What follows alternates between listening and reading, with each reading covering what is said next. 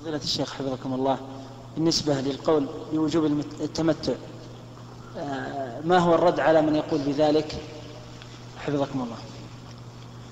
الرد على من يقول بذلك من وجهين الوجه الأول أنه ثبت في صحيح مسلم عن أبي ذر رضي الله عنه أنه سئل عن التمتع يعني عن فصل الحج مفردا وقارنا إلى العمرة ألنا لكم خاصة؟ أم للناس عامة؟ قال بل لنا خاصة. هذا واحد. الثاني أن القائل بالوجوب ليس أعلم من أبي بكر وعمر ولا أفقه في دين الله منهما.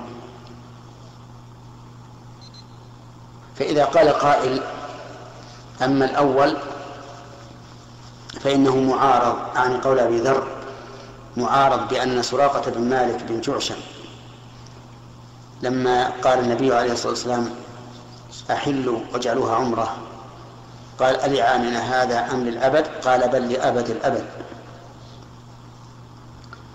وهذا يدل على أنه ليس خاصا بالصحابة.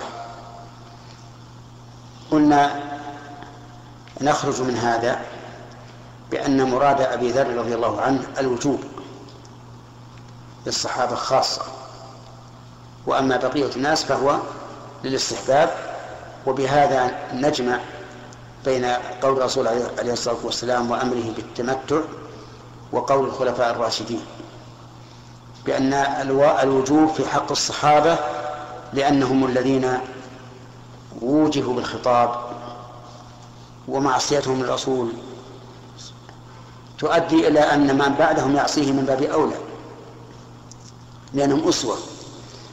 ثم إن ثم إن الإشكال الذي زال الذي يوجد عند الناس في ذلك الوقت أنه لا يجمع بين التمتع بين العمرة والحج في سفر واحد قد زال بتحلل الصحابة رضي الله عنهم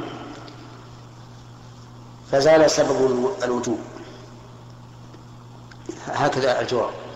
والصحيح أن التمتع أفضل وليس بواجب. Now,